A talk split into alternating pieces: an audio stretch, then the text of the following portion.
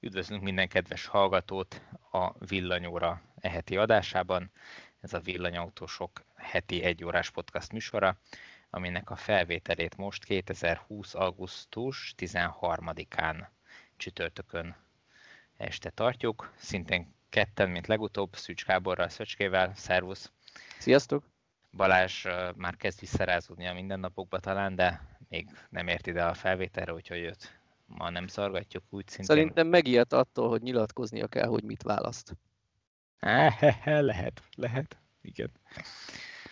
De most helyette is pótoljuk az összes Teslás hírt, ami az elmúlt időszakban fölmerült, és azokat is, amikről esetleg még nem írtunk.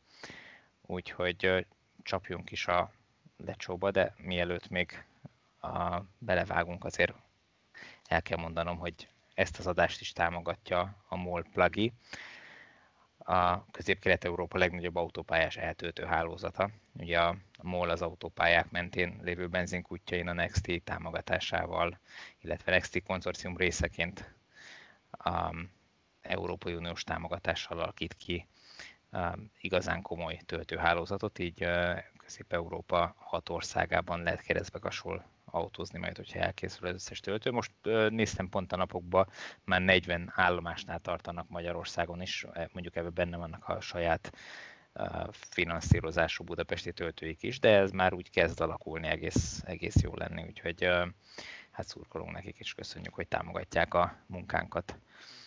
Az a lényeg, hogy legyen verseny, erről mindig csak ezt tudom mondani, nagyon örülök neki. Így van, egyébként ez tényleg, tényleg jó, és látszik, hogy, hogy működni fog. Én nekem az az érzésem, bár így, így nem beszéltem senkivel, meg nyilván ezt senki nem fogja az orrunkra kötni, de, de, de nyilván figyelik egymást a, a különböző szereplők, és hogyha ha az egyik elmozdul egyik irányba, akkor a másik az követni fogja remélhetőleg, vagy megpróbál versenyezni vele, úgyhogy ezzel szerintem mi járunk csak jól a végén.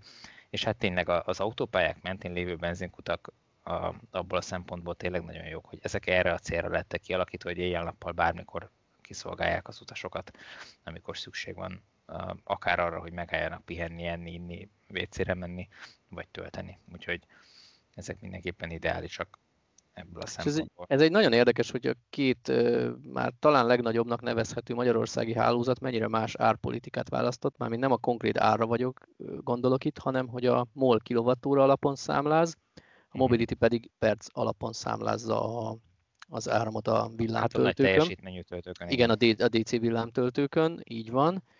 És igazából ez, ez világszerte probléma, mert az USA államaiban van, ahol az egyik kötelező, tehát nem is választhat a szolgáltató, van, ahol a másik kötelező, és van, ahol mind a kettő megengedett, és a szolgáltatók döntenek. Én amikor még írtam a Electrify Amerikáról egy cikket, akkor abban volt ez az érdekesség, hogy ők kilovattúra alapon szeretnének számlázni, de van néhány állam, ahol kénytelenek perc alapon, mert csak ez engedélyezett.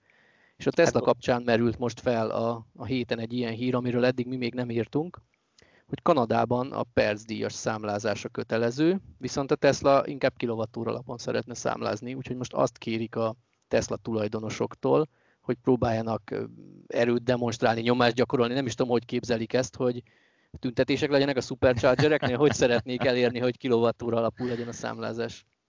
Hát írjon mindenki, gondolom, a, a, nem tudom, a képviselőjének, vagy az államának a vezetőjének, bármi. Egyébként ezekben a demokráciákban ennek nagy hagyománya van, tehát középiskolában is ez egy iskolai feladat, hogy, hogy írj valamelyik kiválasztott politikai vezetőnek, tehát lehet ez a, a kormányzó, lehet ez a szenátor, lehet ez akár az Egyesült Államok elnök, és akkor azt a, azt a levelet, amit házi feladatként megírsz, azt a tanár fogja és feladja postán az, az adott illetőnek, és effektíve eljut az, a, az az üzenet, amit kvázi ilyen gyakorlásként, házi feladatként ír a diák a, a politikai vezetőnek, eljut az adott helyre, és uh, nyilvánvalóan nem fog az adott vezető végigolvasni minden ilyen levelet, de de valamilyen szinten figyelnek, mert a, figyelnek ezeknek a tartalmára, mert némelyikre érkezik olykor uh, konkrét válasz az adott levélben felvetett problémákra. Tehát, hogy uh, a nyilván... sajtóból jön vissza a válasz, vagy válaszlevelet kap az Konkrétan a, a, a diák kap választ a, uh-huh. a, a, a választott uh,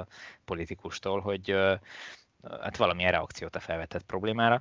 Úgyhogy uh, ennek nyilván, hogy egyrészt az egyik irányból nagyon jó, mert hogy ezt uh, azt tanítják a, a diákoknak, meg a, a, felnövő fiataloknak, hogy igenis lehet kommunikálni, és a problémákat el lehet mondani, és a másik oldalon van uh, fogadó készség arra, hogy ezeket meghallgassák és mm. reagáljanak rá, még hogyha most nyilván nem is fog egy ilyen levél megváltoztatni semmit, de mondjuk, hogyha ha kellően sok helyről érkezik hasonló felvetés, akkor, akkor nyilvánvalóan hallja a politikus, hogy, hogy ez, egy, ez egyfajta probléma, valós probléma, tehát valós problémákra tudnak reagálni így a, a vezetők. Most akár elképzelhető egy ilyen szituációban, hogy ha kellően sok villanyautós jelzi ezt, hogy ez probléma, hogy idő alapon lehet csak számlázni, akkor ezt átgondolják. Az a gyanúm egyébként, hogy itt is valami olyasmi lehet a háttérben, mint ami nálunk is nagyon sokáig volt, hogy a villamosenergia törvény nem tette lehetővé, hogy az elektromos autó töltő üzemeltetők, vagy elektromobilitás szolgáltatók, hát akkor még nem volt annak idején ilyen kifejezés, de hogy mármint hogy jogszabályba ültetve, hogy nem tette lehetővé, hogy kereskedjenek Áramot. az elektromos árammal. Azt csak áramkereskedői engedéllyel lehetett megtenni, aminek a kiváltása elég kötött szabályok szerint történt. Nyilvánvalóan egy-egy töltőüzemeltető ezt nem tudta kiváltani. Tehát itt sok milliós vagy tízmilliós költségű hát olyan szabályokról van szó, amiknek meg kell felelni, és ez nyilván nagyon drága volt úgyhogy a villamosenergia törvényt még évekkel ezelőtt úgy módosították, hogy, hogy lehetővé tett. Tehát tulajdonképpen kivették a, a villanyautó töltést a, az áramkereskedői megkötések hatája alól, és így a, az elektromos autó töltőkön el lehetett adni a, magát a kilovattóránként az áramot is. Tehát nem csak mondjuk parkolási díjat lehet számlázni, vagy, vagy mit tudom én, eszközhasználati díjat, hanem effektív az áramot is el lehet adni, és ezért van az, hogy Magyarországon akár kombinált számlázás is működhet, hogy eladja az, az energia mennyiséget kilovattóráron, tehát hogy a, mármint hogy a, a kilowatt alapján beárazva, és eladja az eszközhasználatot perc alapon a szolgáltató, vagy választhatja azt, amit mondjuk a, a mobilit is választott, hogy hogy csak percdiat számláz, független attól, hogy, hogy mennyi energia ment az adott idő alatt, azt számlázza ki, ameddig használta az autós a töltőt. A MOL plugin a másik oldalon meg nyilván a, a, az elhasznált elektromos áramot számlázza ki. Igazából nem tisztán, mert ugye a MOL pluginnál is van egy ilyen, hogy 30 perc után belép egy 1 forintos percdíj, de igazából az egy jelképes. Szerintem azzal csak Igen. nyitva hagyták a kaput arra, hogy később ezen tudjanak módosítani, ha ebbe az irányba szeretnének menni, mert most egy egy forintos percdíj az, az igazából senkit nem gátol meg abban, hogy egy fél napig tartsa ott az autóját, Igen. ha ő bármilyen okból Igen. nem Igen. foglalkozva a többiek igényével úgy dönt, hogy ő ott parkol. Igen. Ez szerintem egy jelzés értékű, hogy, hogy létezik egy ilyen uh-huh. lehetőség a rendszerben, hogyha ha ez probléma lesz a jövőben, akkor be tudnak vezetni egy ilyen extra díjat, díjat, amivel tehát tulajdonképpen nem is az, hogy meggátolják, de, de észszerűtlenné teszik azt, hogy, mm. hogy valaki hosszú ideig foglalja a töltőt úgy, hogy igazából nincs rá szüksége. Úgyhogy, Nehéz kérdés. Az én, én olyan szempontból mindenki perzdíj párti vagyok, hogy úgy gondolom, hogy az embereket csak a pénztárcájukon keresztül lehet idomítani. Uh-huh. Tehát amíg, amíg korlátos erőforrás ez, hogy, hogy egyszerűen kevés töltő van, addig, addig szerintem hasznos a perzdíj olyan szempontból, hogy nem fog senki ott ragadni egy fél napra, és mások töltés nélkül maradni. Ugyanakkor nagyon káros a percdíj, erről volt már több cikkünk is, hogy az autók töltési karakterisztikája sajnos nem lineáris. Még azt sem lehet elmondani, hogy mondjuk 80%-ig minden autó közel kihasználja a töltőoszlop maximális teljesítményét, hanem sok autó, és nem csak régi autók, hanem sajnos viszonylag új típusok is gyakran annak felét, kétharmadát, harmadát tudják felvenni, és ők, ők nagyon nagy hátrányba kerülnek ezzel, hogyha tisztán perc alapon számláz egy szolgáltató. Én reménykedek abban, hogy ha sűrűsödik a töltőhálózat, akkor egyre több szolgáltató, vagy egyre több töltő el fog mozdulni a kilovattóra alapú elszámolás felé, mert végül is szerintem a korrekt, ahogy a benzinért is literre fizetünk, az igazán korrekt az lenne, ha kilovattóra alapon lehetne mindenhol fizetni a töltésért, de addig, amíg kevés töltő van, addig szükség van valami ösztönzésre. Erre jó lehet a kombinált percdíj, perc és kilovattóra díj. Igen, itt nyilván a, a nagyon fontos az, hogy milyen sűrűn vannak a töltők, tehát mennyire kell akár egy kisebb akus autóval is elmenni a, a lassú töltésnél a, egy viszonylag magas töltöttségi szintig. Tehát ez egy nagyon fontos dolog. A másik Így van, ha töltőnek 70%-kal tovább tudok menni, és elérem a következő töltőt, akkor semmi nem. okom arra, hogy én teletöltsek, akkor oké a percdíj. Így van, nem vagy saját magad ellenség, hogy az uh-huh. idődet fölöslegesen törzsd egy helyen. Uh, nem fogsz. A másik meg az, hogy uh, Hát én még arra gondolok, hogy egy, egy helyszínen van-e több töltő. Mert ha valaki arra ráül egy nagyakus autóval egy órára, és én pont egy perccel később érkezek, az nagyon kellemetlen. Na most ugye, ha már mobility beszéltünk, ahol percdíj van, itt végül is egyre inkább azzal, hogy a Decathlon áruházaknál épült ki egy ilyen alapországos töltőhálózatuk, és most már több Ocean áruháznál is kiépül a töltő, ezek pedig ilyen jellemzően, nem, nem ismerem az ő tulajdon viszonyaikat, de mégis jellemzően egymás közelében vannak, tehát ahol Decathlonot általában Ocean is van és például Miskolcon épp most láttam, hogy így az egyik töltőtől konkrétan rá lehet látni a másikra, ha uh-huh. valaki elég magas, tehát ez, ez tök jó valójában, mert sokkal nagyobb eséllyel tudok a kettő közül egyen tölteni, ha én átutazóban vagyok Miskolcon, és feltételezem, hogy más városokban is hasonlóan alakul. Igen, igen. Uh, igen, tehát azt akartam az előbb még mondani, uh, hogy uh, nagyon fontos az, hogy hol van az adott töltő. Tehát én adott esetben azt is el tudom képzelni, hogy lehet differenciálni, hiszen egy autópálya menti töltőnél kizár dolog, hogy valaki órákra ott hagyja az autót, hiszen nincs mit csináljon egy autópálya pihenőbe órákon keresztül. Tehát ott teljesen indokolatlan az, hogy most perciat számlázzanak, hiszen az autós abban a pillanatban, hogy tovább tud menni, tehát kellő töltöttsége van, tovább fog menni.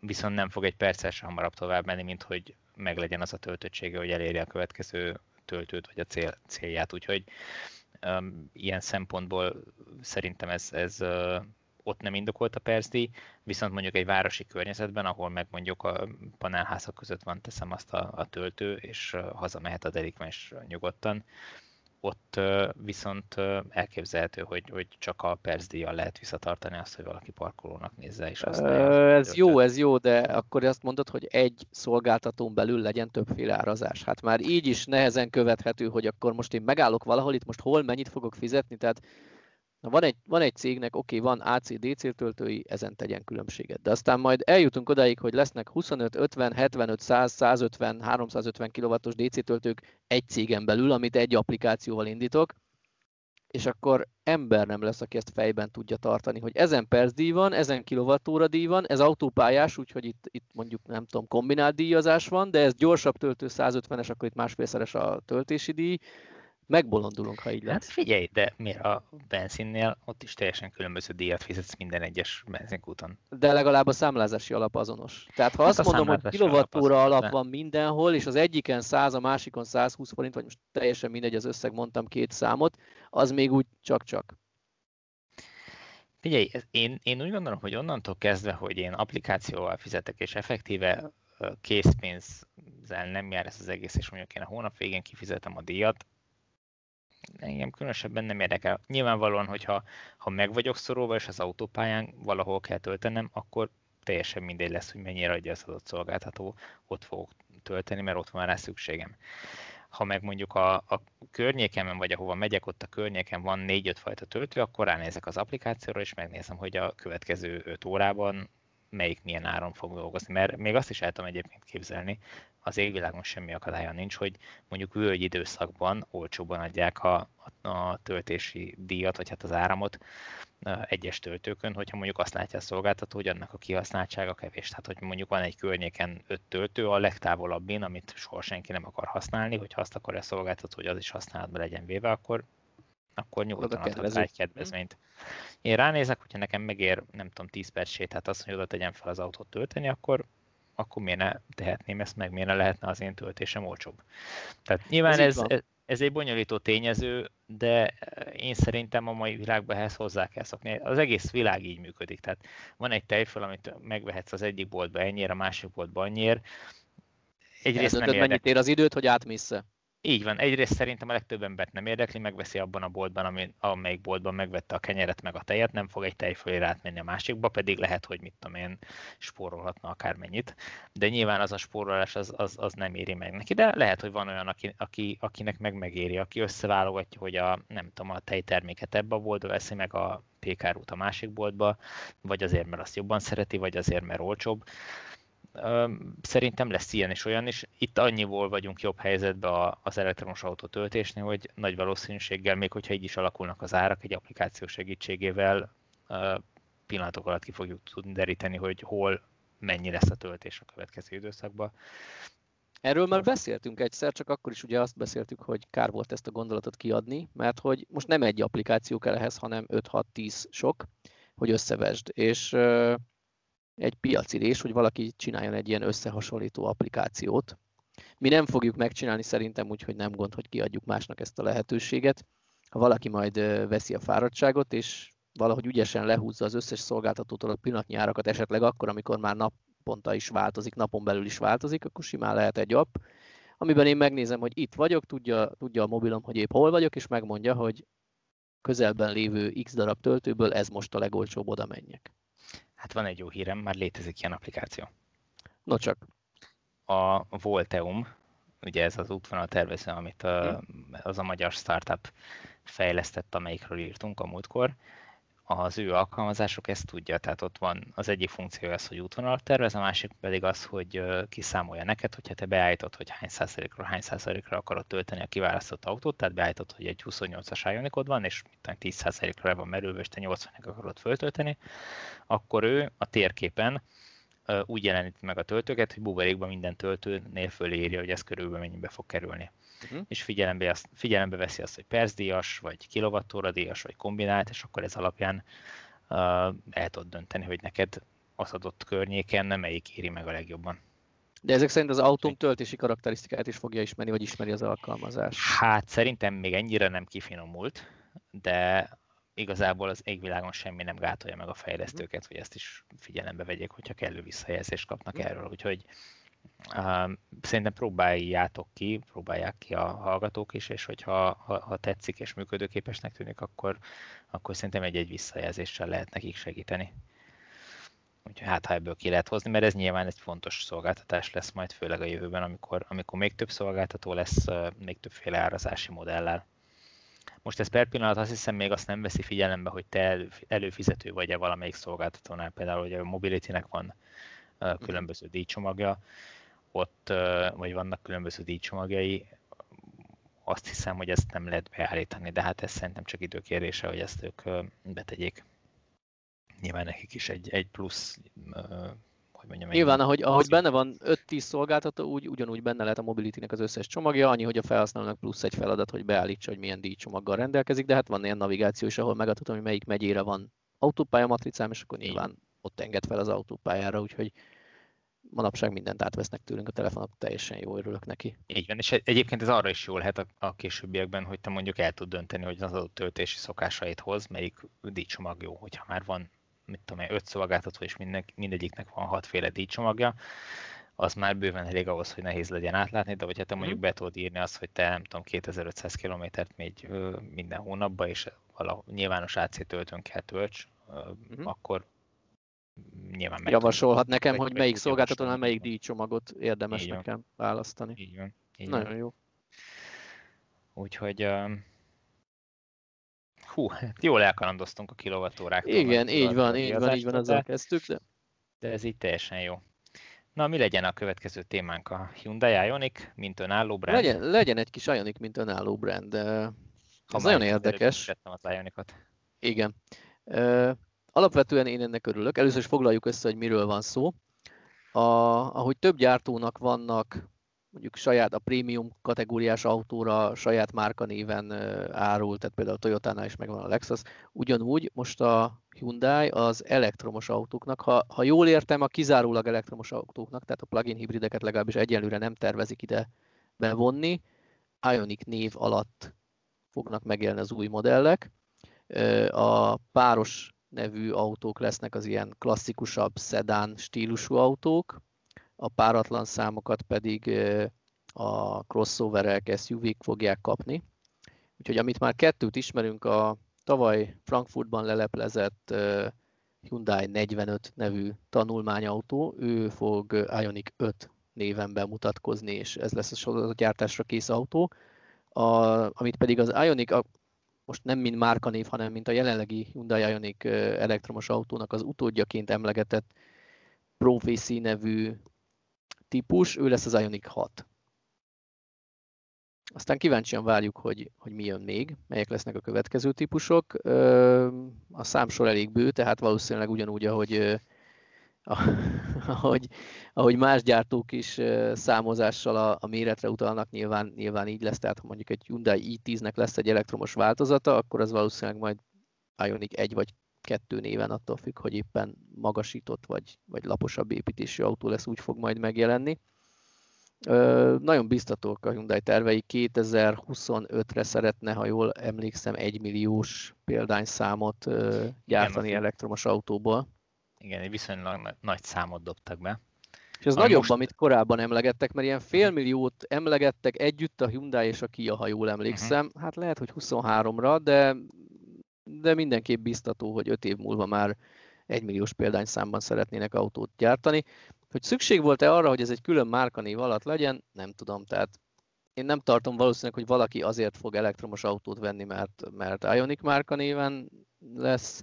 Ugyanakkor valaki felvetette azt a hozzászólások közt ennél a cikknél, hogy, hogy akkor mi lesz a Hyundai-jal. Tehát amikor már 5-10 év múlva senki sem fog hagyományos hajtású autót venni, akkor a Hyundai márka az eltűnik a piacról, vagy valami veteránokat fognak kipofozni, vagy mit terveznek?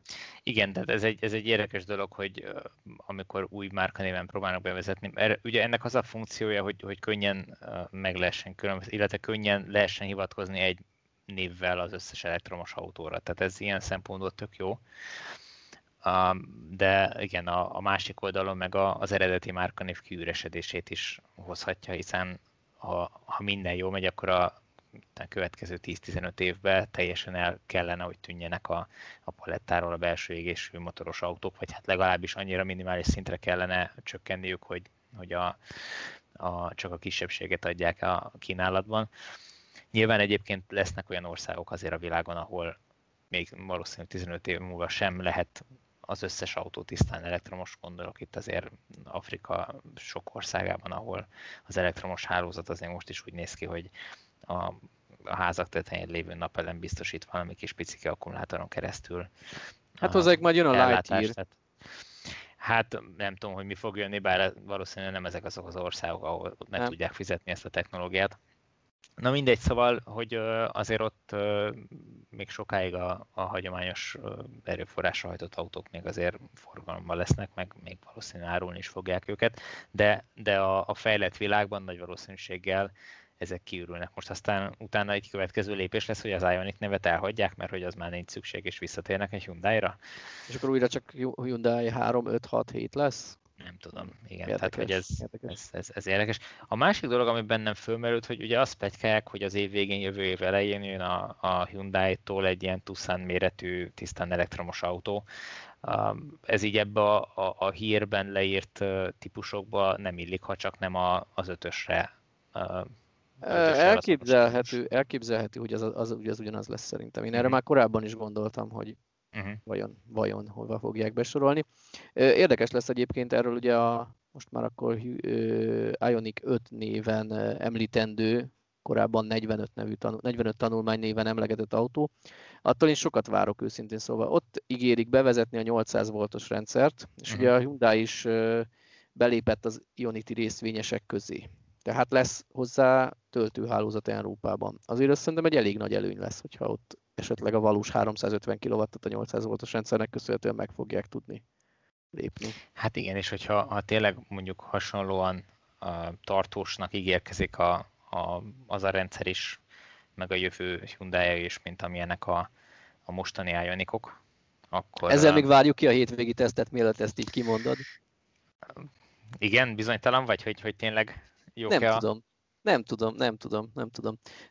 Azt mondjuk el akkor most, most nagyon úgy néz ki, hogy megtartjuk a már korábban is belengetett, nem tudom, ilyen mitoszromboló Ionic, Ionic versenyt a hétvégén, amelynek a fő célja az lesz, hogy összehasonlítsunk egy egyaránt 2017-es évjáratú 50 ezeret futott és 270 ezer feletti óraállású Ionicot mert hogy az Ionic azt állítja magáról, hogy, hogy még 270 ezer után is 100%-os az akku állapota, és ezt így hisszük is, nem is hisszük, leteszteljük, kipróbáljuk. Hát ezt nagyon nehéz elhinni. Tehát, hogy, hogy lehet, hogy jó állapotú, de hogy nem százszázalékos, az Így van. nem biztos. Pontosan. Én is ezt mondom, ha egy 98-at mondaná, azt simán elhinném minden további nélkül. Azt mondom, hogy frankó megoldották, jó akú, hűtés, fűtés, minden megvan, oké. Okay.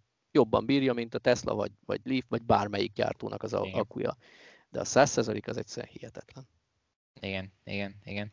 Egyébként az érdekes még ebben, hogy a, ugye ugyanezek az akucsomagok kerülnek elméletileg, vagy illetve nagyon hasonló akucsomagok kerülnek más típusú autókba is, nem? Tehát ez az LG Chem-nek a, a, a hajtás lánca az akucsomaggal, minden egyéb cuccal együtt, ami azt kellene feltételezze, hogy hogy más autókban is ugyanilyen jól kellene, hogy bírják ezek az LG Chem akkumulátorok, nem? Vagy hát esetleg kérdés, a kérdés hogy saját... mi hozzá a körítés, nem, nem tudom pontosan, hogy... Uh-huh. Hát ugye eleve az, hogy LG Chem, hát igazából az LG Chem azt az összetételt szállítja, amit a vevő kér. Uh-huh. Tehát lehet, hogy a, a, a Hyundai teljesen más szellákat. Azért ne feledjük, hogy a, a 28-as Ioniq az egy, az egy olyan autó volt, amiből tudatosan viszonylag keveset gyártottak, csak hogy megfeleljenek a követelményeknek, demonstrálják, hogy ők tudnak ilyet is. Tehát ott bevállalhattak egy akkor különösen jónak számító, cserében drágának számító akukémiát, mert úgy gondolt, hogy a Hyundai a rengeteg hagyományos autó eladásából tud fedezni ott egy kis veszteséget. Uh-huh. Valami oka kell annak ö, legyen, hogy amikor a nagyobb akuval megjelent az Ionic, ott visszavettek a töltési teljesítményből, pedig ott már folyadékhűtést kapott az akku. Nagy valószínűséggel nem a negatív tapasztalatok voltak ennek az oka, hiszen nem nagyon látunk negatív tapasztalatokat, nem hallunk arról, hogy a 3-4-5 éves Ionicokban akut kell cserélni. Uh-huh. Uh-huh. Igen, igen, igen, valóban. Minden esetre megnézzük, kipróbáljuk, úgyhogy aki kíváncsi rá, az majd kövessen. Cikket is, videót is, mindent tervezünk róla, reméljük, hogy összejön. Igen, viszont annyi, én most itt nézegettem, meg próbáltam osztani, szorozni, hogy a készülő videók milyen sorrendben menjenek ki. Az lesz a nehéz része ennek, hogy ugye megcsináljuk ezt a tesztet, de még egy darabig tartanunk kell a szánkat, hogy mi lett az eredménye, mert a videót csak később fogjuk tudni kitenni. Úgyhogy mindenképpen, és ezt egyébként is akartam kérni minden hallgatótól, hogy aki még nem iratkozott fel, a YouTube csatornánkra. Függetlenül attól, hogy most ezt a podcastot YouTube-on nézi, hallgatja, vagy valamelyik podcast lejátszó alkalmazásban, arra szeretnénk kérni mindenkit, hogy iratkozzon fel a csatornánkra. Ez nekünk óriási segítség lenne, mert a YouTube-nak ezzel mutathatnánk, hogy van érdeklődés az iránt, a tartalom iránt, amit mi ott gyártunk. Én azt látom, hogy egyre népszerűbbek a videóink, tehát hogy a, az ID3-ról készült videó is több mint 50 ezer megnézést kapott, a, a Trabi az első napban több mint 20 ezer megjelenést kapott az első 24 órában, tehát valami 21 és fél ezernél járt. Tehát, hogy, hogy van, van igény ezekre a videókra, viszont még mindig nagyon alacsony a feliratkozó száma a YouTube csatornánkon, ami hát kicsit háttérbe szorít bennünket. Tehát azoknál a, a, a tartalom javaslatoknál, ahova egyébként a videóink beillenének, nem feltétlenül biztos, hogy, hogy földobja a YouTube, mert hogy kicsi a, a követőszám hogyha ezen tudnánk egy kicsit tolni, akkor, akkor hálásak lennénk, úgyhogy iratkozatok fel, és akkor nem fogtok lemaradni az Ionic VS Ionic vagy versus, hogyha valakinek úgy jobban tetszik Ionic tesztről se, tehát, és akkor kiderülhet egy-két héten belül, hogy mennyit is romlik az Ionicnak az akkumulátora 270 ezer kilométer alatt.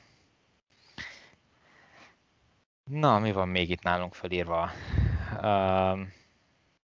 Ha már akkumulátor, akkor akkor nézzük a másik végletet, mert ugye az Ionic azért egy relatíve kis hatótávú autó, maga 28 kWh-jával, de ugye a Lucid Air meg egy hihetetlenül nagy hatótávú villanyautót ígér, és ráadásul nem is ő ígéri, hanem valami független külső szervezet. Erről írtunk is Igen, cikket. igen, igen hogy 500 mérföldes hatótávot ígérnek, a, jól emlékszem, 130 kWh-órás akkuja van az autónak, jól emlékszem? Nem mondja. Azt szerintem nem írták meg, vagy arról volt szó, de hogy ez igazából még csak spekuláció, hogy, hogy ennyi, mert nem, írt, nem adták ki pontosan, hogy, hogy mekkora is lesz hivatalosan az akku mérete, de hogy hmm. erre enged következtetni ez a hatótáv, amit elértek az autóval. Ja, hogy ezt csak visszaszámolják a hatótávból, hogy körülbelül ekkora lehet, hogyha a gyanunk, 100 kWh Tesla, értem. Uh-huh. Igen, igen, igen. Úgyhogy de...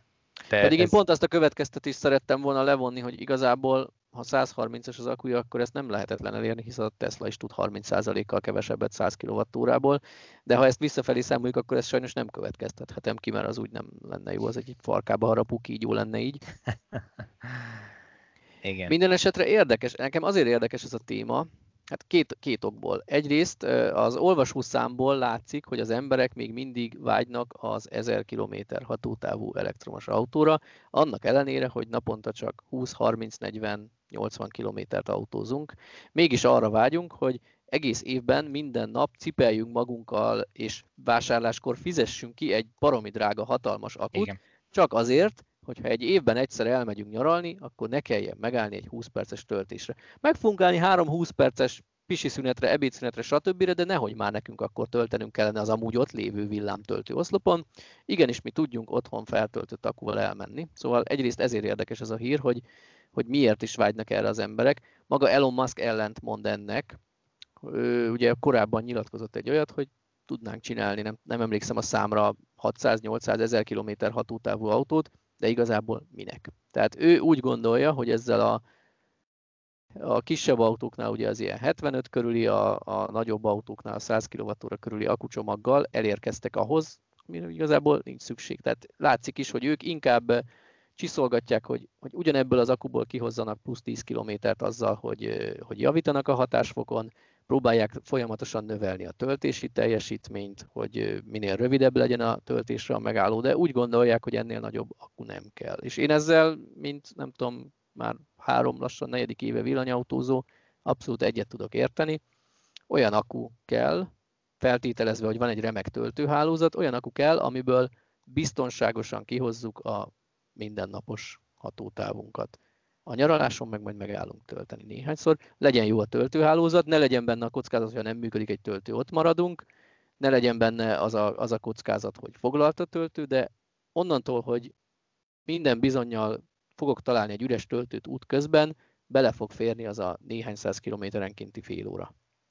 Igen, azért kicsit azért pontosítanék ezen, mert hogy annál, ami a mindennapi használat, vagy a legtöbb ember mindennapi használatához szükséges, annál azért jó, ha több akkumulátorunk van, mert az, hogy most én napi 60-80 kilométert megyek csak, az egy 60-80 kilométeres hatótávú autó azért az kevés.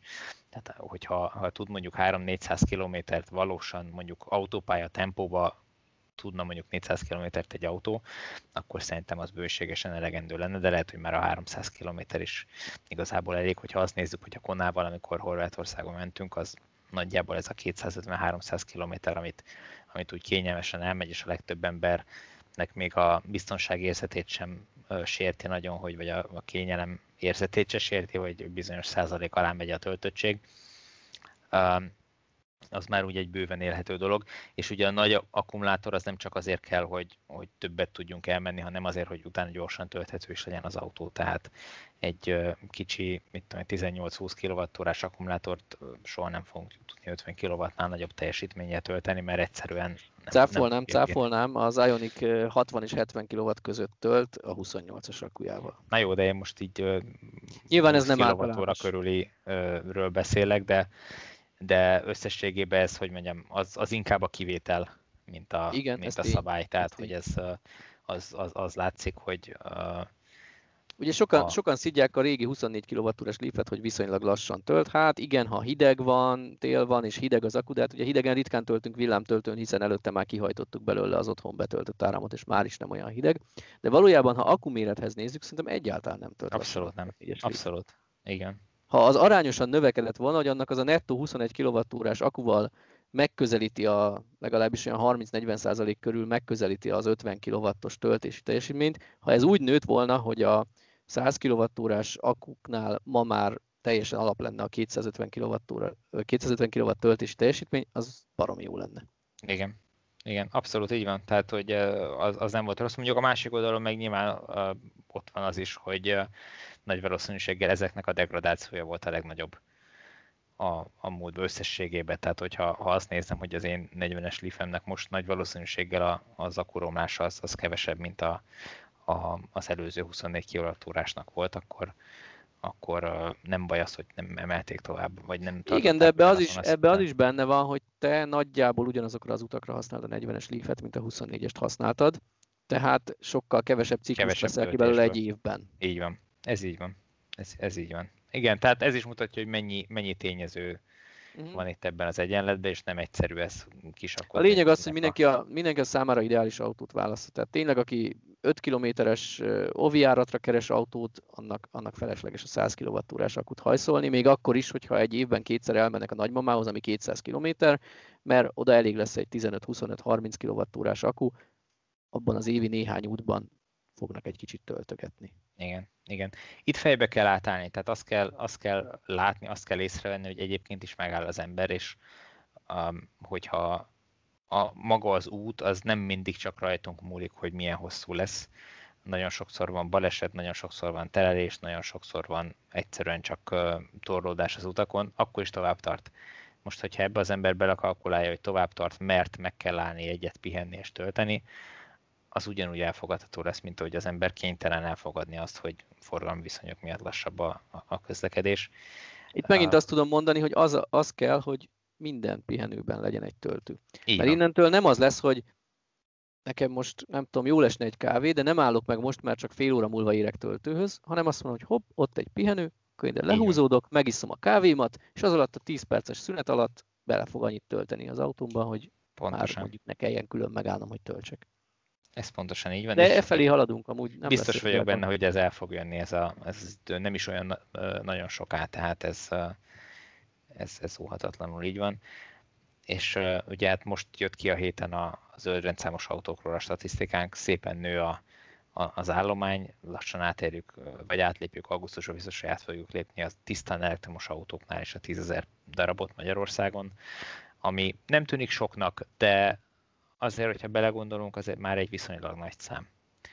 És, és, és az látszik, hogy a, a bővülés az, az nem csak hogy folyamatos, de, de még hogyha nem is nagyon, de azért, azért emelkedik hónapról napra. Tehát például a, a július is egy rekord hónap volt, soha ennyi zöld rendszámos autót nem állítottak forgalomba egy hónap alatt, mint, mint most, annak ellenére, hogy ugye ilyen erősen covidos, meg, meg, meg mindenféle dologgal nehezített időszakban vagyunk. Másik fontos tényező, hogy elindult a fizetős töltés. Tehát Magyarországon már egyre nehezebb ingyenes töltőt találni, és sokaknak az volt a véleménye, amikor jöttek tavasszal a hírek, hogy sorra lesz fizetős minden hálózat, hogy na, akkor itt most meg fog torpanni a zöld rendszámos autók számának növekedése. Hát egyelőre nem ez látszik, igen. Már pedig azért már a most július-augusztusban átadott autók, ezek már szerintem nem az ingyenes töltés időszakában megrendelt autók többségében, illetve nem feltétlenül az akkor meghozott döntések, hiszen rengeteg használt autó van ezek közt.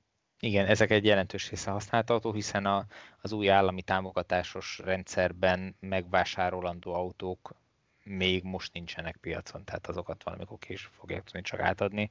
Tehát nyilván ezeket valamikor most rendelik meg, vagy egy részüket nyilván van már biztos olyan, amit, ami raktáron volt, és már Tehát az ellenyésző. Meg tudták az, venni, el tudták venni, de... Pár tucat lehet a bő ezerből. Igen, tehát hogy az, az biztos, hogy, hogy nem sok, illetve hát az is látszik, hogy mivel plug-in hibrid ezeknek egy jelentős része, és arra nincs ugye állami támogatást, az Magyarországon még mindig egy relatíve drága autó, ezért valószínűleg kevesen, relatíve kevesen veszik. A, a, a plug-in hibrideknek egy, egy jó része biztos, hogy külföldi magánimport, tehát használt autóként kerül be az országba, és ezeket meg nyilvánvalóan már annak ismeretében vették meg, hogy tudták az emberek, hogy fizetős töltésről van hm. szó, és ahogy mondod, ez nem szekte senkinek se a kedvét, vagy hát. Úgy látszik, hogy nem szegi az emberek Nem látjuk, kedvét. ugye nem látjuk, hogy mi lett volna, ha hát nincs mivel összevetni. Minden esetre szépen nő a szám, tehát nagyon Igen. tűnik, hogy nem, nincs visszaesés. Egyébként erre még visszautalnék, amit mondtál, hogy a plugin hibridek egy elég jelentős része nagy valószínűséggel használtként érkezik az országba. Ennek én megmondom, miért örülök. Állandó probléma, vagy, vagy ilyen vita téma, hogy a plugin hibrideket ugye lehet csak benzinnel is használni, és akkor már is nem fogyasztanak jól, nem környezetbarátok, meg lehet úgy is, hogy az ember az év nagy részében tisztán elektromosan közlekedik velük.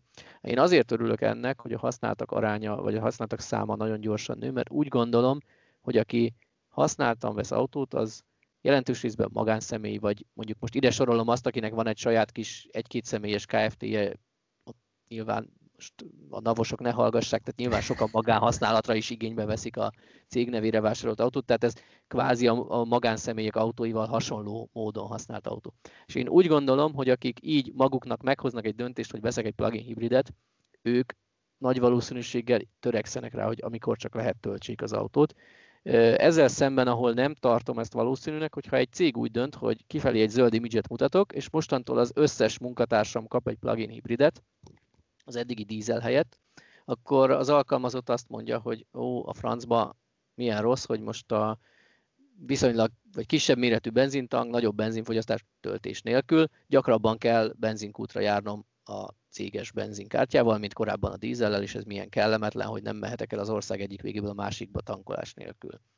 Na, ilyen szerintem nincs a magánautóknál, vagy legalábbis nagyon ritka.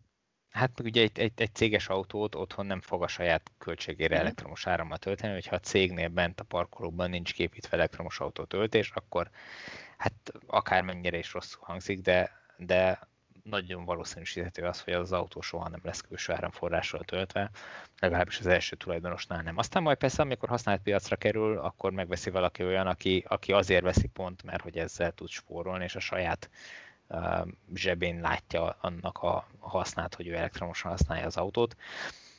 Um, Nyilván ehhez el kell adni újként is ezeket az autókat. Valószínűleg akik, akik most Magyarországon megveszik a Hollandiából bárhonnan behozott amperák tömegét, ott is előfordulhatott ez, hogy az első tulajdonos, aki céges autóként megkapta, és az első három év alatt beletekett 150 km, 150 ezer kilométert, ott nem feltétlenül volt magas Igen. az elektromos használat aránya. Tulajdonképpen örüljünk neki, mert ez azt jelenti, hogy sokkal megkíméltebb akkuállapotban kapjuk ezeket a használt autókat. Ja, hát végül is így is lehet nézni, igen igen. Na, de lépjünk tovább. Mit szólsz ahhoz, hogy a Volkswagen vezér nyaralni vitte dísz az, az egyik ID3-at, vagy ID3-at, és erről posztolt a LinkedIn-en? Hát itt ugye több opció felmerült nekünk a szerkesztőségi chatben. Az első volt az, hogy Dísz úgy érzi hogy frissítenie kell a LinkedIn profilját és fenntartani az érdeklődést. Vajon kitől vette a gondolatot, hogy ezt a közösségi médiában jól lehet posztolni. A másik meg, hogy, hogyha Trumpnak és Elon Musknak bejön, akkor talán, talán másolni kellene. Nem tudjuk, hogy mi van, mi van mögötte. Minden esetre érdekes, én, én tök lelkesen kezdtem el követni, aztán egy kicsit elszontyolottam, hogy úgy az első, nem tudom, első napi lelkesedés után kicsit elmaradoztak a, a posztok Reménykedem benne, nem az van mögötte, hogy azt már nem merte posztolni, hogy a trailer viszi vissza az autót. Nagyon gonosz vagy. hát bocsánat, hát most, hogyha kiposztolta volna, hogy hazaér, vagy odaértünk nyaralni, visszaértünk, hazaértünk, minden oké, az is lehet, hogy még mindig nyaralnak, és, és most elment, hogy, hogy most ő akkor nem dolgozik, és majd nem tudom, a jövő héten megjelenik a visszaútról a posztok, és most csak ott parkol valahol a tengerparton, amíg ők elmentek hajózgatni. Ez is lehet, legyünk jó indulatúak, de olyan gyanúsan vége szakadt ennek a posztsorozatnak, vagy legalábbis szünetel. Hát vagy, vagy nem rutinos közösségi média használó, vagy, vagy valami gond van, vagy a fene tudja egyébként tényleg bármi. Hát én is számítottam arra, hogy kapunk majd egy, nem tudom, jó képsorozatot az első Ionity töltésről, meg egy nem Azt tudom. ugye nem találtam meg, mert ott volt egy ilyen probléma, hogy 200 méterrel odébb navigált, tehát szerintem ő egy benzinkút shopjában töltött konnektorról, mert hát azt mondta, hogy ő, ő jött, látta, hogy itt van egy konnektor, hűtőládát kihozta, azóta ott szentsége ennek a benzinkutasok, hogy az összes Ice Cube elolvadt. És ott nyaral a benzinkúton? Hát igen, várja, várja, hogy feltöltsön. Azért, azért a kis konnektoros töltővel elég lassacskán csepek bele az az 50 kWh. Hát reméljük, hogy nem, nem így van, és valaki kimentette és szólt neki, hogy a másik töltőhöz kellene állni. De nagyon gonoszak vagyunk, nyilvánvalóan nem, nem ez történt valószínűleg nem gondolták ezt teljesen át, ezt a, ezt a közösségi médiás posztolát, posztolást, és nem, nem akartak belőle, vagy nem tervezték, hogy akkor a hype-ot csinálnak belőle, mint amekkorát lehetett volna, hogyha... Meg amúgy lett is, hát rengeteg oldal felkapta, tehát tök jó ingyen reklám. Neki. Hát igen, de, de az, hogy egy, egy ilyen után ez elmaradt, szerintem ez, ezzel ez, elrontották. Ez egy, ez egy kihagyott lehetőség. Igen, így van, abszolút. Tehát sokkal többet ki lehetett volna ebből hozni ők ezt Ha már elkezdte, elveszték. akkor így van, akkor igen, hozzá ez, többet. Igen, igen, jobb lett volna. De azért szurkolónak is reménykedünk, hogy hogy visszaért, és egy komoly hibalistát a mérnökök orra alá tartott, hogy akkor ezeket kérném javítani. Én remélem, hogy nem talált azért olyan nagyon sok hibát, mert, mert hogyha megint neki kell állni hibákat javítani, akkor akkor... az életben nem adják ki azt az autót. nem, hát olyan komoly hibák biztosan nem lehetnek már benne. Ugye, ami, a, egy dolog, amiben belekötött, hogy a, a lefelé-felfelé gomb miért, miért, a, miért a lefelé lépteti előre a zeneszámokat, de aztán a kommentelőink írták, hogy ez a legtöbb autóban így van, és az mögötte a logika, hogy egy listában a következő elem az lentebb van. Uh-huh. Uh, nyilván jó megoldás lenne, hogyha a audio lejátszókon megszokott balra-jobbra gomb is ott lenne, és akkor azzal lehetne léptetgetni, de hát nincs. Mondjuk ez abszolút frissíthető nagy valószínűsége egy szoftveres. Én úgy gondolom, hogy ez a kormányon lévő gombra vonatkozott. Ja, a kormányon lévő gomb, hmm. gombra Tehát ott meg, ott meg gondolom, hogy alapvetően nem tudom, ezt te tudnád megmondani, hogy tempomat sebességbeállításra, vagy mire használják hát, még a... azt a gombot, amivel ilyen a... szinten emlékeznék rá, az jó lenne, de nem emlékszem. meg fe, fel, feltehető, hogy a kormányon bár érintős, de nem folyadék kristályos kijelző van, hogy átcserélődhessen lefel gombba, jobbra gombra. valami, az, az jó mhm. lenne, igen, rá, és akkor az nagyon Na, lenne. Az, az őríteni meg a, a sofőröket, hogy most, hopp, most éppen milyen funkciója van a gombnak. Tök jó lenne még a háttérvilágítás is ott belevillogna az ember szemébe vezetés Na, közben. Az. Na figyelj, hogy még ilyen tippeket, hogy nem, nem akarok én rosszat semmelyik autógyártónak. Sokszor felrólják, hogy, hogy, hogy mi nem tudom én, csak a Teslát szeretjük, és a többieknek nem szurkolunk, de én európai emberként, magyar emberként baromira örülnék, hogyha ha nem a Tesla mutatná jelenleg az utat, hanem bármelyik európai gyártó, és, és az amerikaiak loholnának az ő nyomukban. Én ennek nagyon örülnék, én nem, abszolút nem vagyok ilyen Tesla rajongó, aki, aki bal szerencsét kíván az európai gyártóknak, nagyon, nagyon örülnék nekik, ha sikeresek lennének. Egyenlőre sajnos nem ezt mutatja az élet, de, de jó úton haladnak talán. Azért a Volkswagen szerintem egy jó irányt vett, és szerintem nem gondolták, hogy ennyire nehéz lesz nyilván beleütköztek azokba a problémákba, amiben annak idején egyébként a Tesla is, tehát vagy, vagy hasonló problémákba. De ha ezeken túl lesznek, akkor ők ugyanúgy belendülhetnek, sőt, egy nagyobb mm. lendületet vehetnek, mint a Tesla, hiszen egyébként a, az a szervezettségük, az a gyártási kapacitásuk, az megvan már, tehát ami e, ahhoz szükséges, hogy ők rengeteg autót gyártsanak. Lásd egyébként a, a Hyundai Kia páros is azért um, elég jól belendült. Náluk is sokáig tartott, mire felfuttatták mm. a, a Kona gyártását, de most már ott vannak, hogy, hogy volt erről is írunk, hogy szinte várakozás nélkül át lehet venni mondjuk az Egyesült Királyságban a, a nem is tudom, a, a, a konákat. Konár, és már a Nírót is. A Niro, igen. Níróról is ez volt a hír, igen, hogy, hogy uh, annyi, olyan szinten áll a gyártás, hogy, hogy ez már nem probléma. Most itt nyilván nem arról van szó, hogy ekkora vagy hogy terítődött a piac, és most már nem tudják hova eladni, hiszen mennek fölfel a darabszámok, amiket legyártanak és eladnak. Tehát ehhez idő kell, a Volkswagen más szerintem jól áll, most már lassan a célegyenesbe fordul, hogyha tényleg ez belendül, ezt talán beszéltük már korábban is, hogy az ID3 az az első fecske, de mhm. utána jön az ID4, jön a, a Skodának a én konyakra, konyak jut eszembe, de az enyak, igen. És, és ki tudja annak, még, még így Én nagyon annak... szurkolok a busznak, ez a, a régi terrorista kis busznak a felújított változata, mert én családi autót szer- keresek, szeretnék, és ugye jelenleg egy terű helyett mindenki a kis teherautónak a személyi autósított változatát kínálja. Legtöbb gyártó, nem is tudom, valakinek van még egy terű, és ebből az autóból, amit eddig látunk fotókról, én azt remélem, hogy ez egy alapvetően személyautónak tervezett autó lesz, olyan komforttal, olyan belső kialakítással, olyan futóművel, rugózással, hogy hogy tök vállalható családi autó lehet majd belőle.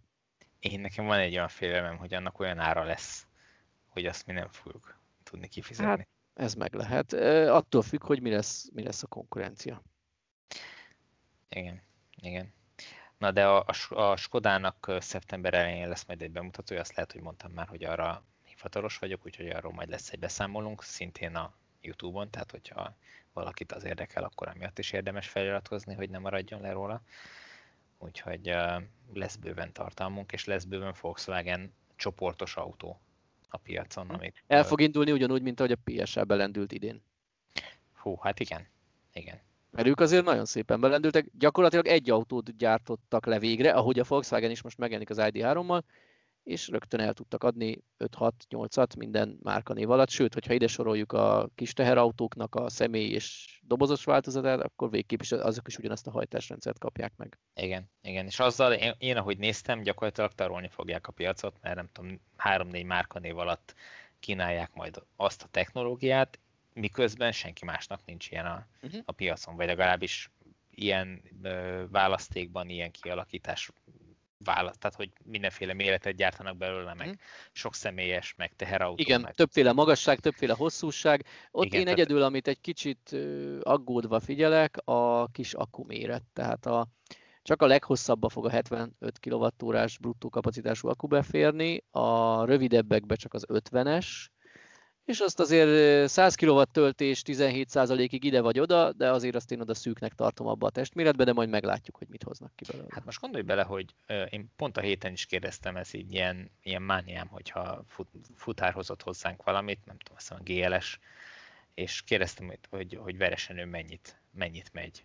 És, és azt mondja, 80 km, ebből, ebből 40 km ja, oda okay, vissza Veresre, és 40 kilométert megy itt el a környéken. Uh-huh futárautónak ez teljesen oké, okay, ezzel nincs és gond. Az, az autók egy jelentős része ilyen üzembe megy. Most még nem az tudnak annyit gyártani, hogy minden autót kiváltsanak ezzel, tehát hogy minden igénynek megfeleljenek, de hogyha mondjuk egy, egy GLS szintű cég, akár csak Magyarországot nézve ráállna arra, hogy mondjuk a következő autóváltásnál ő nem egy dízelt vesz, hanem egy ilyen elektromosat 50 kWh akkumulátorral, hát az gyakorlatilag elvinné szerintem a, a Magyarországra szánt összes ilyen autó. Így van, és el is fogja, mert az Egyesült Királyságról volt egy cikkünk, hasonló témában, csak nem emlékszem a futárcég nevére, talán a DPD volt, aki nagyszabású villamosításba kezdett ott, uh-huh. és mivel a, azt látjuk, hogy a PS autókat ők ott hagyományosan kedvelik, nagyon kapkodják, végül is Vauxhall néven is meg lesz ez a, tehát az, az lesz a negyedik márka, azért jó ez a kifejezés, hogy három-négy márka név alapján, mert ugye az Opel Vauxhall az az kvázi egy csak területileg felosztott, de mégis más címkével, tehát biztos, hogy ezt fogják vinni ott a futárcégek is.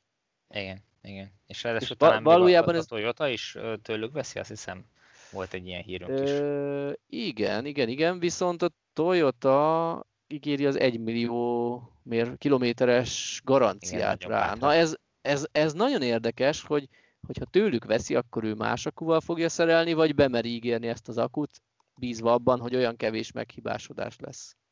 Jó kérdés. Majd elválik, vagy, vagy, vagy kiderül, majd nem tudom, hogy kiderül egyáltalán. Majd, hogyha eljön az ideje, megjelennek ezek az autók, akkor majd rákérdezünk, és, és mély, mélyére nézünk ennek a dolognak. Hát elképzelhető, hogy a Toyota olyan felárral fogja értékesíteni, hogy belefér, hogy belefér, másodikba cserélnek. Majd meglátjuk. Az is lehet, igen. Igen, igen.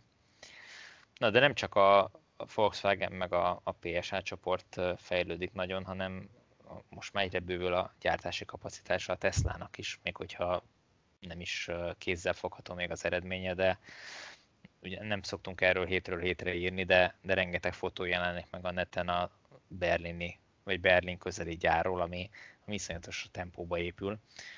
Ugye annak idején rácsodálkoztunk, hogy, hogy milyen gyorsan építik föl a kínai gyárat, és azt mondtuk, hogy ezt Európában nem lehet tartani. Hát úgy néz ki, hogy a Teslának Európában is sikerül. Ja, nem tudom, néztél le ilyen fotókat, videókat a, a témába, de hogy, hogy már ott tartanak, hogy előre gyártott elemekből építik a falakat. Berlin. Bevallom, nem vagyok teljesen napra kész, de ilyen cikket olvastam, aki összehasonlította a sankai építkezéssel, és ami kívülről látszik, az nagyjából fejfej mellett halad, annak ellenére, hogy Berlinben voltak mindenféle akadályok eleinte, politikai, stb. tüntetések, ilyesmik, engedélyek. Mm, úgyhogy igen, biztató. És ugye, amit, amit Sankhajban is láttunk, hogy onnantól, hogy felkerültek a falak, hiába még kívülről szigetelték a tetőt, meg nem is tudom mit csináltak, belül már elkezdték telepíteni a gyártósorokat, tehát ez egy, ez egy ilyen 19-re lapot húzunk kicsit, hogy hát lehet, hogy még ránk dől a teteje, de mi azért betesszük a hatalmas présgépet, mert hát kockáztatunk, és hát ha bejön. Nyilván azért annyira nem áll, nem áll rosszul valószínűleg, de, de igen, tehát hogy, hogy úgy szervezik a munkát, hogy, hogy több dolog is, munkafázis is ö, mehessen egyszerre, mm. és egyik ne hátráltassa a másikat. Ez annyira nem megszokott, mert bárhol látunk egy építkezést, ahhoz vagyunk szokva, hogy még két év múlva is talán már falakat látunk a föld munkahelyén, és itt nem így működik. Hát igen, itt, itt eszméletlen, hogy elegyengedték a földet, ugye azzal kezdődött, hogy kivágták a fákat, a gyökerek meg ott, ott maradtak a, a talajban, azt ugye mind kiszedni egy e, teljes erdő, te, erdős területen, utána legyengetni a talajt, nem tudom, nyilván próbafúrások, meg aztán alapozások kezdődtek. És most ott, ott voltak tartanak... is valamilyen nehézségek, bocsánat, hogy megszakítlak, hogy ott, ott kiderült, hogy a talaj nem olyan egészen, mint ahogy... Igen, volt ahogy, valami probléma. Tehát amiatt volt egy néhány hetes csúszás eleve, hogy, hogy más technológiával kellett alapozni. Igen, és uh, ugye közben volt a Covid is, meg, meg hmm. mindenféle egyéb probléma, de hogy uh, most ott tartanak, hogy már három épületnek a, a, az építése folyik párhuzamosan. Most nem tudom, azt nem néztem meg, hogy melyik épületekről van szó, de én simán el tudom képzelni, hogy itt a, a helyszínnek a, a kinézete az a tél beköszöntéig gyakorlatilag végleges szintre, vagy hát közel tető, szintre. Tető fent lesz a csarnokokon, és bent dolgozhatnak. Így van, olyan szintre eljut, hogy, hogy télen, amikor már nehezebb lesz kint dolgozni bizonyos időszakokban, akkor ők már bent tudnak gépeket telepíteni, és nem tudom, a gépek beállítása valamikor tavasszal elindulhat, és a, a Tehát akkor hozható a... az, az, az, az abszolút működhet. Vagy legalábbis most így laikusként az ember ezt látja. Hát most nyilván hát nem... Sankhájhoz viszonyítva látjuk ezt. Igen, nem, nem vagyunk ilyen irányba szakemberek, de, de abszolút biztató, amit ők csinálnak most. És hát ugye nem a Berlin az egyetlen gyáruk, ami most nagyon épül, hanem, hanem a Giga Austin, vagy nem tudom mi a pontos hivatalos neve a, a texasi uh, létesítménynek, ott is legnagyobb meglepetésem, mert ugye alig néhány hete derült ki, hogy ott területet vásárolnak, egyébként 100 millió dollár, ez volt most a héten hír, hogy 100 millió dollárba került a, most én megnéztem, hogy 800 hektáros terület. Tehát minden eddiginél talán, talán az összes eddigi teszt a terület összesen sincs ekkora, mint ez a, ez a texasi terület, amit megvásároltak, hogy ezen már szintén földmunkák zajlanak. Tehát éppen, hogy csak megvették, de már egyengetik a földet, és már így ránézés egy akkora területen, mint a, a nevadai Gigafactory, már egy akkora területen szabad az út az építkezésnek, vagy hát legalábbis úgy látszik így a képek alapján, ami megjelent. Úgyhogy döbbenetes az a tempó, amit ők uh, itt diktálnak. Úgyhogy uh, emellett tényleg azért föl kell kössék a hagyományos autógyártók gyártók az alsó neműt, hogy, hogy lépést tudjanak tartani a, a Teslával. Hát pedig azért vannak biztatóak, mert uh, én pozitívan csalódtam a Cadillac Lyric, Lyric, hogy kell őt mondani megjelenésében vagy beharangozásában. Amikor én figyeltem ezt, hogy, hogy jön a General Motorsnak ez az Ultium platform, stb., akkor ilyen jó, persze ígérgettek ti is, mint mindenki, majd, majd. És ehhez képest ez most így árban is egész jót ígérnek, tehát lehet, hogy, lehet, hogy lesz onnan is egy konkurencia Teslának?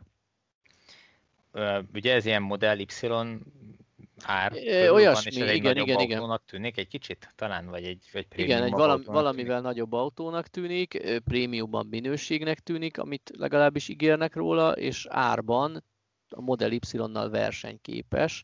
Valami hmm. ilyesmit mondtak, hogy eredetileg 70 ezer dollártól várták, nyilván nem, nem nyilatkozták, de az, de az elemzők, illetve hát a szakértők onnan várták, majd valami fontos GMS ember azt nyilatkozta, hogy 60 ezer alatt lesz, de most már 50-70 közé lövik be felszereltségtől függően a, a típust. Az mondjuk tényleg nem lenne rossz ár egy, egy, egy normális autó. Most kérdés egyébként ilyenkor az emberbe fölmerül az, hogy, hogy veszességgel fogják gyártani, hogy egy compliance autóként el tudják adni, vagy, vagy ezt vagy... így komolyan gondolják, mert el tudtak érni azt, a, azt az árszintet, amin már ebbe belefér egy normálisabban felszerelt autó. Hát ugye régen sokat poénkodtunk a két év múlva frázison, de el kell ismerni, hogy letelt a két év. Tehát egyre olcsóbbak az akuk, és kezdenek beérni azok a fejlesztések, és valóban piacra kerülni. Vagy legalábbis úgy tűnik, még azért nincsenek piacon, de nagyon úgy tűnik, hogy közel vannak. Mármint micsodák? Minden, minden gyártótól ja, jelennek a... meg az elektromos autók, tehát valóságá válnak azok az Igen. ígéretek, amiken félig meddig reménykedtünk, de inkább azért csak mosolyogtunk rajta, hogy, Igen. hogy Igen. ígéretekkel tele a padlás, és aztán aztán úgy tűnik, hogy mégis lesz belőlük valami. Igen, összességében például most az ID3 a Volkswagen szokták a legtöbbször elkézni emiatt a két éves uh-huh. dolog miatt, de hogy ha, ha megnézzük, most nyilván van egy fél éves késés a, vagy csúszás az ID3 megjelenésében, de de összességében tényleg nagyjából hozták azt, amiket ígérgettek. Um, nagyjából ekkora csúszás, vagy hát ha, ha nem is ekkora, de, de ilyesmi csúszás volt azért a Tesla-nál, és jó, persze meg is kapták a magukét a nagy közönségtől, meg a, a, a befektetőktől, meg az újságíróktól, meg mindenkitől, de, de úgy néz ki, hogy aki belevág ebbe a bizniszbe, az, az valahol a, az első körben ezt, ezt a csúszást, ezt, ezt meg kell élje. Bár mondjuk engem egyébként meglepett a, a PSA csoportnak a, a Ott nem volt csúszás igazából. igazából komoly csúszás nem volt. Igaz, hogy 2019-re ígérték, ha jól emlék az autót, hát azt be is mutatták akkor, ugye Frankfurtban, a, az Opel is mm. kijött, meg uh, nagy, kicsit előtte talán a, a 208-as is, de hogy hogy uh, igazából Jó, hát jelentős csúszás nem volt ebben ők mindig ügyesen kommunikálnak. Tehát amikor azt mondják, hogy 2020-ban vagy 21-ben jön egy autó, akkor azt azért nem teszik hozzá, hogy ez a leleplezést jelenti, a sorozatgyártás megindulását, a kiszállítások megindulását, és azért Igen. itt a, a leleplezés és az első vevői autó átadása között szerintem egy fél év minimum, de gyakran akár egy év is eltelhet. Igen, igen, igen, igen. Hát, hogy ezzel azért lehet kenni. A az autógyártók igen, összességében nagyon ügyesen uh, szoktak ezekről nyilatkozni, és Uh, néhányszor ezt én már megtettem, hogy így visszakeressek uh, nyilatkozatokat ezekkel kapcsolatosan, és, és oda jutottam sokszor, hogy nem lehet megtalálni gyári eredeti nyilatkozatot. Tehát mindig hivatkoznak valamire, egy uh, ilyen, uh, hogy mondjam, belső ember, meg olyan, aki a, a, a körülményeket ismeri, de ezek általában, amik megjelennek a sajtóban, és utána évek múlva a sajtó késztényként kezel, ezek általában nem hivatalos kommunikációból hm. származó adatok. Ja, tehát ez nincs fent egy sajtóközleményben, hanem mondjuk egy interjúban Igen. elhangzott valahol. Még csak, sokszor még csak az se, hanem, sem. Igen, tehát ha, vagy ilyen ködösítés, hogy majd valamikor két év múlva, vagy, vagy 2021-ig, hm. vagy nem tudom, tehát hogy, hogy, hogy elhangzanak ilyenek néha, de ahogy te is mondod, nincs igazán pontosítva, hogy mi fog akkor történni, illetve annak az évnek is melyik szakaszában, tehát hogy az elejére, közepére, végére, tehát hogy, hogy miről is van szó.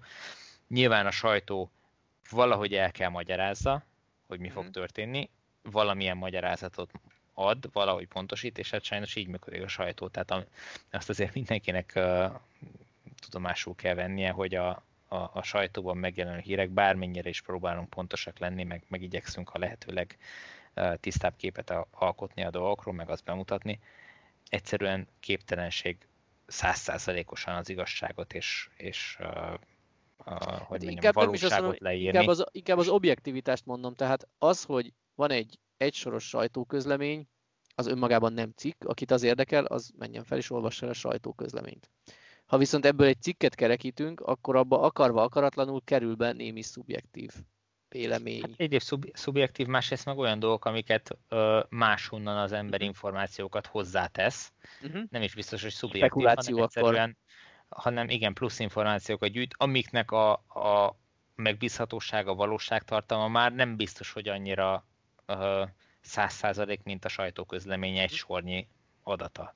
Csak hát egy sor az ne, önmagában nem állja meg a helyét. Uh-huh. És azok a körülmények, amiket, amiket köré gyűjt a, az újságíró, az már egyrészt lehet szubjektív, másrészt lehet pontatlan, harmadrészt lehet uh, bármi más, tehát hogy uh, lehetnek ilyen problémák, és akkor ebből adódik az, hogy, hogy fölépül egy várakozás a, a bejelentésre, meg egy autótípussal kapcsolatosan, és hogyha ha bármi csúszás van, vagy bármi változás van ahhoz képest, akkor az, az nyilván nagyon rosszul tud esni, és, és annak lesz egy negatív visszhangja. Ami egyébként az a, az a probléma, hogy ez, ez elkerülhető lenne, hogyha az autógyártók egy kicsit precízebben, részletesebben kommunikálnának. Tehát meg lehetne azt csinálni, De ezt hogy... nem tehetik meg. Miért nem tehetik meg? Hát azért nem mehetik meg, mert fogalmuk sincs, hogy elkészül-e két év alatt az adott típus. Ha ők kerekperec megmondanák, hogy megmondták volna, hogy X autó 2020 októberében lesz ott a vevőknél, akkor utólag hogy kennék el, hogyha késtek? De az igazság, hogy, hogy egyrésztre lehet ráhagyást hagyni, mint hogy a Tesla mostanában csinálja tehát ott kicsit általában pessimistább adatokat mhm. adnak mm. meg, mint ami a, a saját belső terveik nagy valószínűséggel, és akkor így, még ha csúsznak is nagyjából tudják tartani. A másik oldalon meg egy normális folyamatban, most nyilván amikor belevágnak egy teljesen új területre, mint az elektromosítás, akkor, akkor szerintem ők is azért föl vannak készülve valamilyen szinten arra, hogy, hogy ilyen vagy olyan problémák lesznek és csúszni fognak. De amikor általában egy új modellt bemutatnak, nem tudom elképzelni azt, hogy fél éves csúszások beleférnek. Hát hiszen, ott biztos nem. Hiszen több száz beszállítóval egyeznek meg arról, hogy június 23-án meg kell jön az első kamion, az első ezer biztonsági övvel.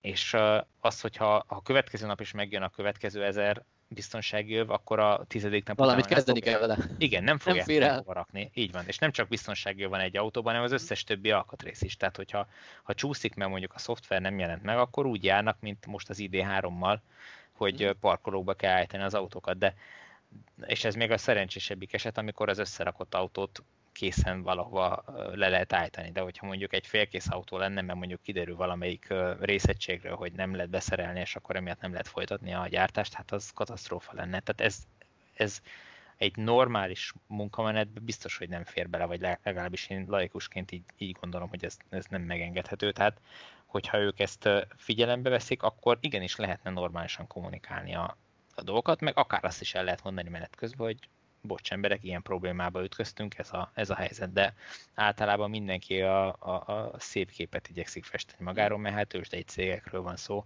hogyha kiderülne, hogy bénák ülnek ott a, a vezetésbe, akkor hamar összedőlne az árfolyam. Úgyhogy árfolyam. Ha már, ha már árfolyam. Ha már árfolyam. Micsoda a hó, hó végén veszel 300-ért Teslát? Hát ha 300-ra megy, akkor igen.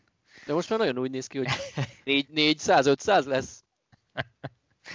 Hát nem tudom mennyi lesz, de hogy, hogy most azon nevetünk, hogy há, úgy lesz 300 a, a, a részvény árfolyam. Fiam is készül erre, hogy majd a haveroknak mondja, mondja hogy leesett az ár, most nem tudnak ők is vásárolni, hogy, um, um, hát hogy földerabolják a, a Tesla részvényeket, és minden uh, részvényes a hónap végén négy extra részvényt kap, ami nem azt jelenti, hogy ajándékba plusz extra uh, tulajdona lesz, hanem csak annyi, hogy uh, minden egyes részvényt öt felé uh, bontanak szét, hogy uh, maga a részvény árfolyam, az, uh, tehát egy, egy részvénynek az értéke az csökkenjen, így uh, vonzóbb legyen a, a részvényvásárlás, a Tesla részvényvásárlása azok számára. Nem lehet, hogy Musk, amikor, a, bocsánat, hogy belevágtam, uh Szóval arra gondoltam, hogy nem lehet, hogy Musk, amikor a Twitterre néhány hónapja kiírta, hogy túl magas a részvényár, akkor ő nem bedönteni akart, hanem ezt a splitet próbálta előre jelezni.